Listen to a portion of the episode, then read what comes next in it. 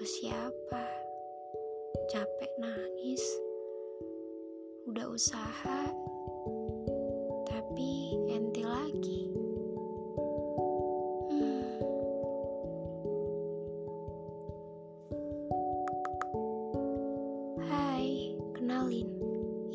Podcast Mendung yang bisa kalian dengerin eksklusif di Spotify, gratis kapan pun dan di mana pun kalian.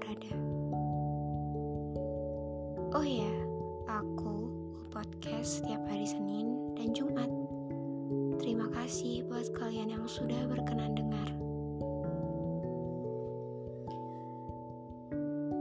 Menyerah itu wajar, capek itu wajar, ngerasa nggak punya siapa-siapa itu juga wajar. Ngerasa nggak tahu mau cerita ke siapa, mau pulang Yang tidak wajar adalah cara kita ngadepin itu semua. Kita tahu kita bisa, cuma kita nggak tahu caranya seperti apa. Atau mungkin kebalikannya, kita tahu caranya seperti apa, tapi kita ngerasa nggak bisa. Kita ngerasa bahwa semuanya sia-sia. Ketika kita mencoba hal baru terus gagal, mencoba lagi gagal lagi, terus kita nyerah. Sebenarnya nyerah itu juga nggak apa-apa. Asal jangan lupa bangkit lagi. Andalan sih. Nyerah nggak apa-apa, asal jangan lupa bangkit. Karena sendal yang patah itu bisa dibuat lari lagi ketika dibenahin. Ya begitulah hidup. Mau seperti apa? Mau jalannya mulus? Tidak ada lika-likunya. Itu namanya hidup tanpa rasa.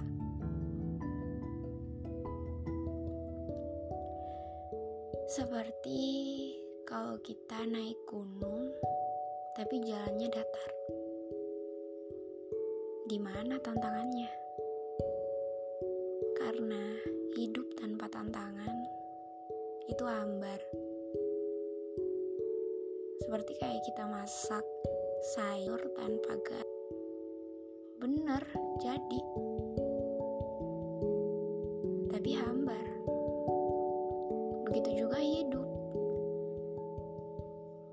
Gak ada tantangan sama sekali. Mulus-mulus aja. Terus dapat pengalamannya di mana? Dapat keluh kesahnya di mana? Percaya deh, sebelum kita dilahirkan ke dunia, kita itu cuma sel-sel beribu-ribu bahkan berjuta-juta sel dan kita yang berhasil tumbuh menjadi janin. Percaya deh sebelum kita dilahirkan kita sama Tuhan sudah diberi gambaran hidup kita seperti apa. Jalan kita nanti di mana kayak gimana jadi gini apa gini gitu. Tuhan sudah ngasih gambaran ke kita. Tuhan kasih tahu sebelum kita dilahirkan ke dunia. Makanya gak heran kadang kita ngerasa dicafu sama suatu keadaan atau suatu peristiwa kayak kok kayak pernah ngerasain ini ya gitu. Ya mungkin itu gambaran dari Tuhan yang sebelum kita lahir.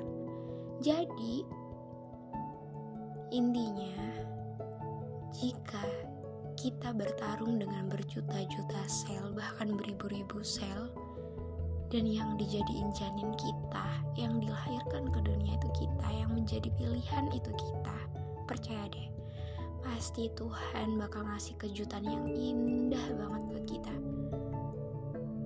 Gak apa-apa sekarang kita susah, nangis tiap malam overthinking, mikir gak bisa apa-apa.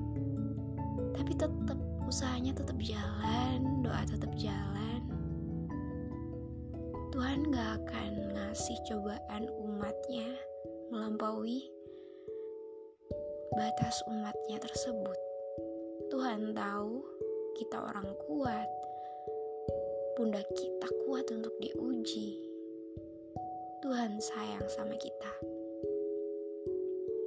Jadi ketika kita dikasih ujian yang begitu berat, dikasih sakit, dikasih cobaan, kita harus percaya bahwa semua itu ada hikmahnya.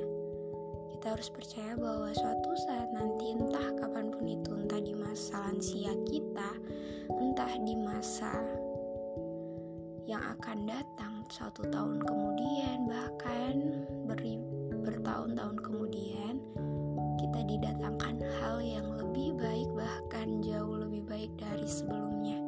Kita dikasih kejutan sama Tuhan yang bahkan tidak terduga sama sekali di pikiran kita. Jadi untuk mensyukuri hidup itu sebenarnya gampang dan emang harus selalu bersyukur setiap harinya. Jadi kalau kalian merasa kalian gak bisa apa-apa, coba deh kalian lihat di bawah kalian. Apakah mereka selayak kalian? Apakah mereka seberuntung kalian?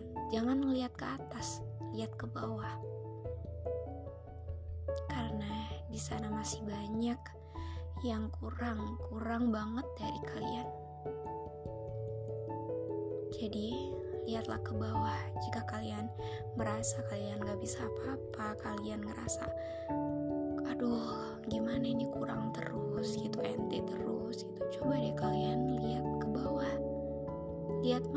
masih di bawah kalian